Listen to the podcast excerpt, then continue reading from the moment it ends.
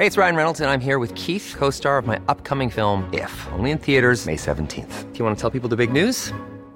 All right, I'll do it. Sign up now and you'll get unlimited for $15 a month in six months of Paramount Plus Essential Plan on us. Mintmobile.com slash switch. Upfront payment of $45 equivalent to $15 per month. Unlimited over 40 gigabytes per month. Face lower speeds. Videos at 480p. Active Mint customers by 531.24 get six months of Paramount Plus Essential Plan. Auto renews after six months. Offer ends May 31st, 2024. Separate Paramount Plus registration required. Terms and conditions apply if rated PG. Hi, I'm Daniel, founder of Pretty Litter. Did you know cats tend to hide symptoms of sickness and pain? I learned this the hard way after losing my cat, Gingy. So I created Pretty Litter, a health monitoring litter that helps detect early signs of illness by changing colors, saving you money and potentially your cat's life. Pretty Litter is veterinarian developed, and it's the easiest way to keep tabs on your fur baby's health right at home. Go to prettylitter.com and use code ACAST for 20% off your first order and a free cat toy. Terms and conditions apply. See site for details. Wow. Nice. Yeah. What you're hearing are the sounds of people everywhere putting on Bombas socks, underwear, and t-shirts made from absurdly soft materials that feel like plush clouds. Yeah, that plush. And the best part? For every item you purchase, Bombas donates another to someone facing homelessness. Bombas. Big comfort for everyone. Go to bombas.com slash ACAST and use code ACAST for 20% off your first purchase. That's bombas.com slash ACAST. Code ACAST. Hvis du med et ord skal beskrive bandekonflikten i Sverige lige nu, hvilket ord vil du så sætte på? Så vil jeg låne et ord fra en øh, svensk politikommissær, som øh, gav et interview her for nogle dage siden, som kaldte det et helvede. Et helvede, hvor at øh, Sverige har fejlet. Politiet siger det jo selv.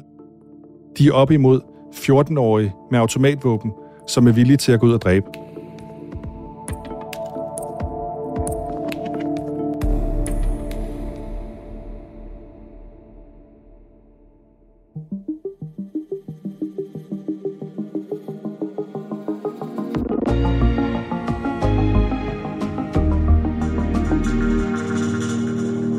En brutal voldsbølge har ramt Sverige. Just nu så pågår flera stycken gängkonflikter.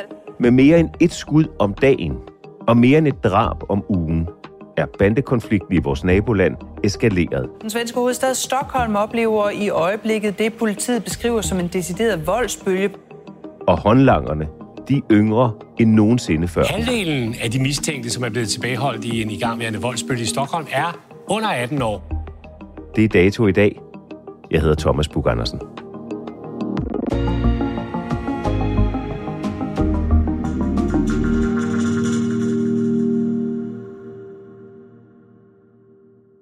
Vi har lige købt en ny lejlighed i Stockholm, Søttermalm. Meget fint område, sådan svarer lidt til Vesterbro. Her for, hvad er det, seks dage siden, der var der en restaurant, som er i god afstand fra, hvor vores lejlighed ligger. Det har inträffat en stor explosion på Södermalm i centrala Stockholm under natten. som øh, blev sprunget i luften midt om natten.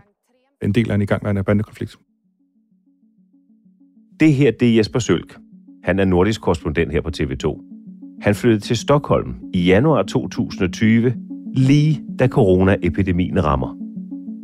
Det jeg jo opdager, øh, en ting er, at der er coronahistorier, det fylder rigtig meget, men når jeg følger sådan den svenske nyhedsstrøm, det der jo helt automatisk sker, man får de her push-beskeder ind på telefonen. Jeg abonnerer på det hele, hele muligheden.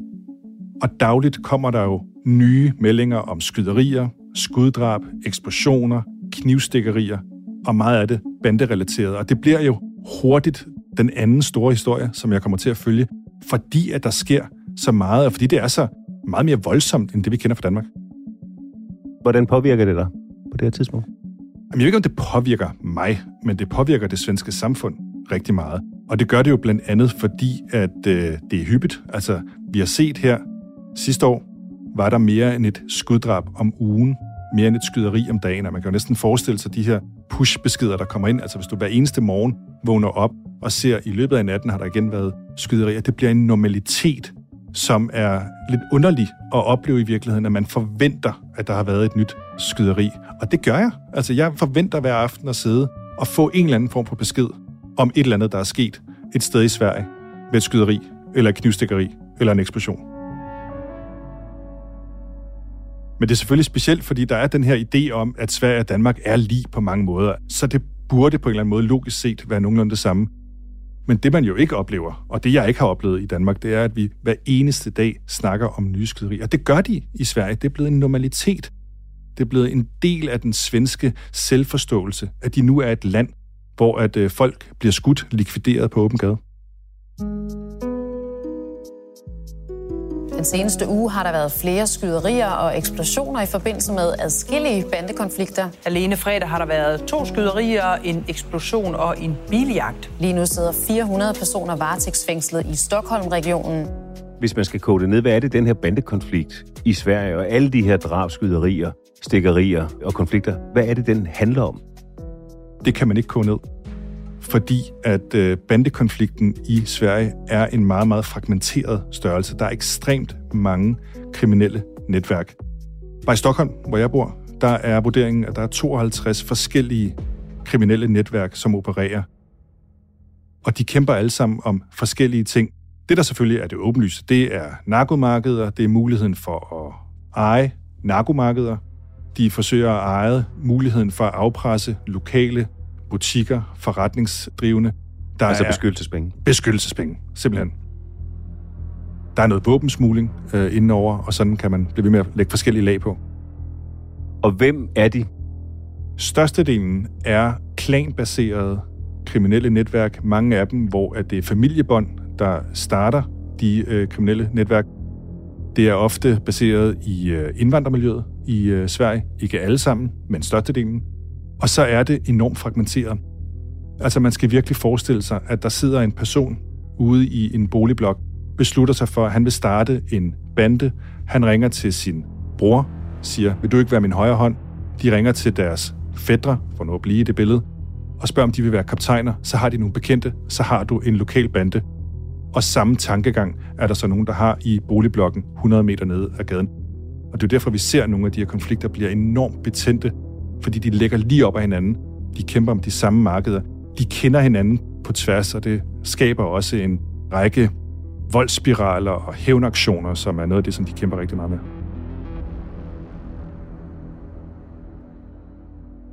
Og det peger jo på noget af det, som vi har diskuteret nogle gange her i Danmark, nemlig at svenskerne har i virkeligheden ikke helt haft hånd om integrationen de jo begyndt selv også at acceptere, at det er en del af fortællingen. Altså noget af det mest sigende, jeg har oplevet i løbet af min tid i Sverige, det er jo, at det først er for nylig, at Socialdemokraterne, altså det traditionelle regeringsparti i Sverige, Stefan Löfven, den tidligere statsminister, det er ikke mere et par år siden, at han åbent sagde for første gang nogensinde, at der var en kobling mellem den høje andel af immigration, der har været i Sverige, og så nogle af de problemer, der har været med bander og økonomisk og voldelig kriminalitet. Men det er jo en historie, der er både og. Fordi hvis du går ind og kigger i helikopterperspektiv på, hvordan går integrationen i Sverige, jamen så kan du sagtens finde rigtig mange positive tal. Du kan se det på øh, uddannelsesgraden blandt unge øh, med indvandrerbaggrund. Du kan se det på, hvor mange penge tjener øh, folk. Altså der er simpelthen tusindvis og tusindvis med indvandrerbaggrund i Sverige, der står op om morgenen, går på arbejde, sender deres børn i skole, tager uddannelser, fungerer i det svenske samfund. Men der er lommer i specielt indvandrermiljøet, som har valgt at melde sig ud af det svenske samfund fuldstændig. Ingen respekt har for autoriteter, kommunen, politiet, skolerne. Og nogle af dem, de vælger så at vende sig mod banderne, bliver en del af det kriminelle miljø, og er i en lomme af det svenske samfund, hvor alt, hvad der foregår omkring den, er fuldstændig ligegyldigt. Det handler kun om indtjening, magt, prestige, hævn nogle gange også. En specifik episode i august 2020 får hele Sverige til at spære øjnene op for bandekonflikt. Og videre til Sverige, hvor et barn er blevet skudt og dræbt natten til i dag, det oplyser svensk politi. Det drejer sig om en 12-årig pige, som i nat blev skudt i byen Botkyrka nær Stockholm. Politiet modtog et... Adriana, som er 12 år, hun er eksemplet og billedet for mange svenskere på, at det her det er ikke bare noget, der foregår ude i forstederne, hvor de skyder på hinanden. Det her det kan også ramme helt uskyldigt. Adriana, hun øh, er ude ganske sent om natten, det er den 2. august, hun øh, mødes med nogle venner ude ved en McDonald's, der er døgnåben. Og øh, de øh, står derude. Det er omkring klokken halv tre om natten. lidt derfra, hvor de står, der øh, står øh, en gruppe andre personer. To af dem, blandt andet, bærer skudsikker vest. Der kommer så en hvid Audi kørende ind i den her hvide Audi. Der sidder tre personer. Et våben, som senere viser sig at være en øh, AK-47, kommer ud af vinduet, og de begynder at skyde. Og Adriana bliver så ramt af skud. En af de personer, som stod i den anden gruppe, en af dem med skudsikker vest, løber over, forsøger at genopleve Adriana. Kan ikke. Hun dør kort tid efter. Den er hvide Audi, hvor der er blevet affyret skud fra, kører væk derfra, og det er, det er faktisk først for ganske nylig, at man har, øh, har sigtet tre personer for det her skyderi. Hvad er reaktionen efter den episode, hvor Adriana bliver dræbt? Forfærdelse. Øh, absolut forfærdelse over, at et, det er jo et drive-by-skyderi, hvor en 12-årig pige, som af sin mor bliver beskrevet som øh, enormt selvstændig, øh, har masser af ambitioner, som en, der hjælper hende i hverdagen, og som har fået lov til at også at, at, at leve, som hun nu gerne ville. Altså det her med at mødes ved en McDonald's midt om natten, kunne man måske godt diskutere. Det har været diskuteret i Sverige. Men det kunne hun godt. At hun bliver skudt ned i drive-by-skyderi i Sverige, det er forfærdende.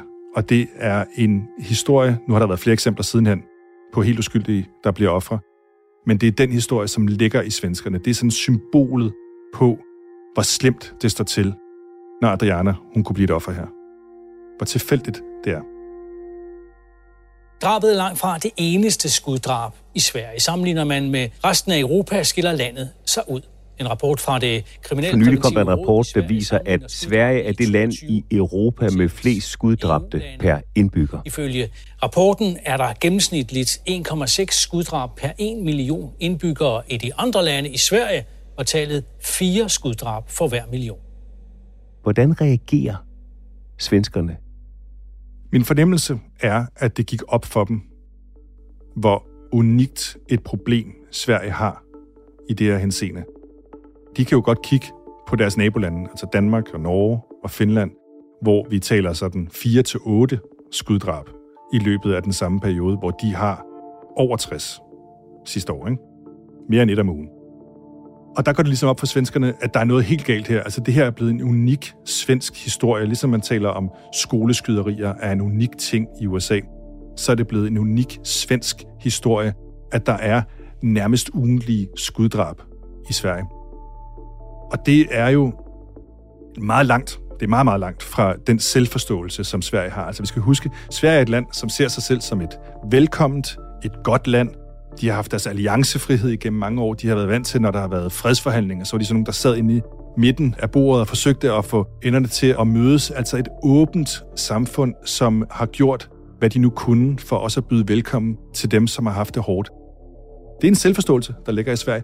Og den bliver udfordret af, at de nu også er et samfund, som ude i verden bliver kendt som sådan et skuddrabsmekka, hvor at banderne de skyder til højre og venstre, og uskyldige bliver ramt 12-årige her, og et barn her, og en mor og en, og en mand inde i et øh, træningscenter. Altså masser og masser af eksempler på det, og at det ikke stopper.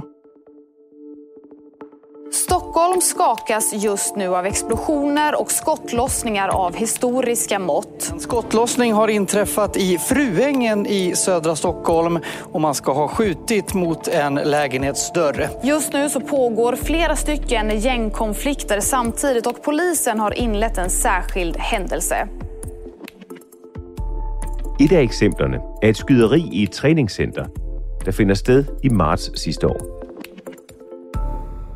Här ser vi bilder på polisinsatsen i Vasastan i centrala Stockholm där en man ska ha skjutits på ett gym tidigare idag. Vi skal lære en person at kende. Han hedder Frederik Andersson, han er 54 år. Han är er sikkerhedsvagt i sin vardag. hverdag, han er personlig træner, han er far til tre. Han er nede og træne i et träningscenter træningscenter i Vasastan, som er sådan en indre del af Stockholm. Det er omkring middagstid. Han står der, løfter vægte, og så lige pludselig kommer der en øh, person ind, maskeret, en sort hætte over hovedet. Han har et automatvåben i hånden. Går direkte ned mod en person, som sidder nede i bunden af træningscentret, Ned ad nogle trapper. Og øh, Frederik Andersen, her, den 54-årige mand, han øh, stiller sig i vejen Han er kendt for at være sådan en person, som, øh, som forsøger at hjælpe, når der nu er trang øh, til det. Ham, øh, manden, der kommer ind, begynder at skyde med det samme, rammer Frederik Andersen med tre skud i hovedet. Han dør på vej på hospitalet. Gerningsmanden, han øh, flygter ud af træningscentret igen og sætter sig ind i en bil og kører væk. Og i den her uge er der så blevet en person sigtet, som i dag er 17 år, men på tidspunktet for skyderiet tilbage i marts sidste år var 16 år. Og ved man, hvem det var, den 16-årige var på jagt efter? Det var efter alt at dømme et rivaliserende bandemedlem, en 40-årig øh, øh, mand, som var medlem af Banditas. Og de var så i en øh, kamp om narkomarkeder med en bande, som den dengang 16-årige er en del af. Og hvad viser den episode? Det viser, at for det første er der en enorm voldsparathed. Der er en enorm villighed til at gå hele vejen blandt de svenske bander i øjeblikket. Det vi ser er, for nogle år siden, så var det måske et spørgsmål om at, at straffe en rivaliserende bandemedlem. Hvor at øh, du gik efter at skyde efter skyde i benene. Nu går du efter at likvidere og henrette folk. Skyde efter hovedet. Og det ser vi jo utallige eksempler på. Folk bliver fundet med skud, mange skud, i hovedet og i kroppen. Og det er en udvikling, som er ekstremt bekymrende, fordi den starter voldsspiraler. Når den ene bande enten forsøger eller lykkes med at dræbe et rivaliserende bandemedlem, jamen så kommer hævnaktionerne straks efter, og så begynder voldsspiralen derudad. Det er sådan den ene øh, ting, vi ser, voldsparatheden. Den anden ting, vi ser, og det er tilbage til 16 år, det er, at øh, gerningsmændene i mange tilfælde bliver yngre og yngre. Politiet siger det jo åbent. De møder 14-årige med automatvåben, som er klar til at gå ud og dræbe. Og det gør de jævnligt. Og det er jo ikke bare et eller to eksempler. Altså bare her for nylig har der været fire eksempler i Stockholm. Ikke som vi snakker hele Sverige, vi snakker inden for en radius af 10 km, hvor jeg bor, har der været mindst fire eksempler, hvor gerningsmændene til skyderier eller mulige skuddrab er 13 til 16 år. Det ene eksempel er en øh, bil, der bliver stoppet. Politiet mistænker den for måske at være på vej ud for at foretage sig noget, fordi den kører fra en adresse, hvor man ved, at der nogle gange er personer med banderelationer. Bilen bliver stoppet. I bilen der befinder sig flere personer, heriblandt en 14-årig dreng, og de oplysninger, der er ude nu her, og det er oplysninger, som Aftonbladet, en svensk avis, øh, har, det er, at politiet er overbevist om, at de stoppede et drab, eller et drabsforsøg, da man stoppede bilen her, og at den, der skulle have begået drabet, var den 14-årige dreng, som havde fået til ordre at nakke nogen, altså dræbe en øh, person, der bliver fundet et automatvåben i bilen, og den pris, som den 14-årige skulle have fået, det var et sekscifret beløb for altså at gå ud og dræbe nogen. Og det er sådan bare et eksempel. Så var der to 15-årige, der blev stoppet i en øh, bil lidt nord for Stockholm ude på E4, som er mistænkt for at have stået bag et skyderi, hvor en øh, 5-6 skud blev affyret mod en person, som så viser at være ikke den, som var det egentlige mål. Og der er også en anden eksempel, hvor en øh, bil med tre personer, en 22-årig og så en 13- og en 14-årig bliver stoppet. Igen bliver der fundet automatvåben i bilen, og øh, vurderingen for politiet er, at de var på vej ud for at skyde mod nogen eller noget. Hvad gør svensk politi, svenske myndigheder for at tage hånd om de her unge, unge mænd? Der er jo målrettede indsatser.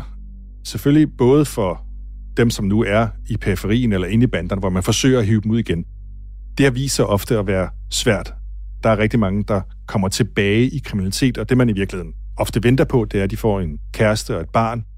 Det viser sig ofte at være den bedste måde at komme ud af bandemiljøet, fordi man har noget andet at gå op i. Og så har du jo, og det er jo den øh, både nødvendigt, men også en lille smule deprimerende, at du har målrettede indsatser mod 8-12-årige, inspireret af nogle tyske projekter, men altså målrettede indsatser, hvor du forsøger allerede at påvirke unge i børn, i 8-12-årsalderen, så de ikke vælger bandemiljøet, når de bliver de her 13-14 år. Fordi det har vist sig, at nogle 13- og 14-årige, de er allerede for sene at gribe. Så er vi helt nede i de første klasser, de første klassetrin i skolen? Ja, altså jeg har, jeg har en 10-årig, der går i, i 4. klasse. Han skulle så have været to år, øh, skulle han have været en del af en målrettet indsats for politiet, hvis han havde boet det forkerte sted og haft de forkerte venner. Det er jo en fuldstændig uholdbar udvikling. Det, er, det var et væsentligt tema i valgkampen op til et svenske valg i efteråret, parlamentsvalg. Hvad gør man fra politisk hold? Du har jo for det første en anerkendelse af, at det her det er et unikt svensk problem, og man bliver nødt til at tage det her langt mere alvorligt, end man har gjort tidligere. Det godhjertede, åbne Sverige, det findes ikke i samme omfang mere. Det er jo en af reaktionerne, der er kommet, og det er jo en af de ting, som den nuværende regering vandt på. Så taler de om et paradigmeskifte, og i virkeligheden, hvis man skal kode lidt ind, så vil de gøre noget i retning af det, som Danmark gjorde med bandepakkerne. Det vil sige, at man vil have dobbeltstraf for kriminalitet begået i banderegi. Du vil have visitationszoner, snakker de om. Anonyme vidner skal man kunne gøre brug af. En hel række sådan retspolitiske værktøjer, som der begynder at blive taget i brug. Og så har du så hele immigration, indvandringsaspektet, hvor at Sverige forsøger med den nye regering at gå fra at være et af de lande, som har taget imod flest udefra, til at blive et af de lande i EU, der tager færrest. Det er i hvert fald målet i den nye regeringsaftale.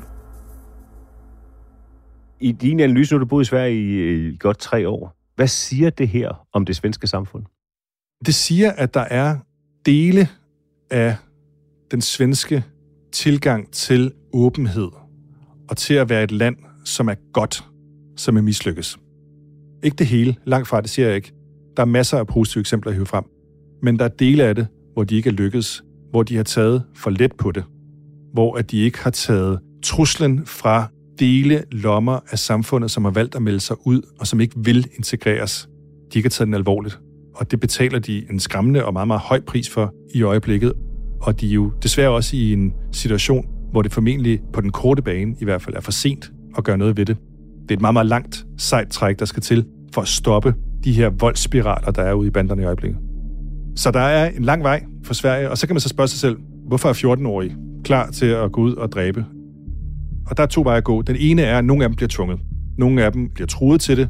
Det er for eksempel eksemplet med den 13- og den 14-årige, som blev stoppet i en bil med en 22-årig. De siger selv, at de var blevet truet til at tage med ud til det her skyderi.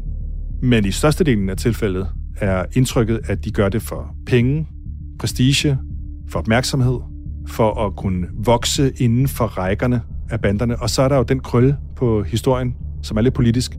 Men man får ikke en særlig stor straf for at dræbe nogen, hvis du er ung i Sverige. Der er ungdomsrabatter, det vil sige en for eksempel 16-årig, som begår et drab, kan forvente med rimelighed at være ude igen efter en 3-4 år på en øh, lukket ungdomsinstitution. Og det spekulerer banderne selvfølgelig i. Jesper Søl, tak for en skræmmende, grovækkende, egentlig situationsrapport fra Sverige i dag. Det var slet. Rikke Romme og Peter Halund havde tilrettelagt. Lyddesign Pauli Galskov. Redaktør Astrid Louise Jensen. Jeg hedder Thomas Bug Andersen. På genhør.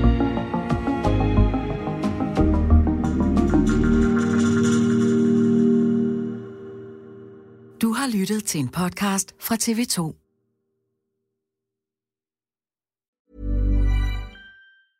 Hi, I'm Daniel, founder of Pretty Litter. Did you know cats tend to hide symptoms of sickness and pain? I learned this the hard way after losing my cat, Gingy. So I created Pretty Litter, a health monitoring litter that helps detect early signs of illness by changing colors, saving you money and potentially your cat's life. Pretty Litter is veterinarian developed, and it's the easiest way to keep tabs on your fur baby's health right at home. Go to prettylitter.com and use code ACAST for 20% off your first order and a free cat toy. Terms and conditions apply. See site for details.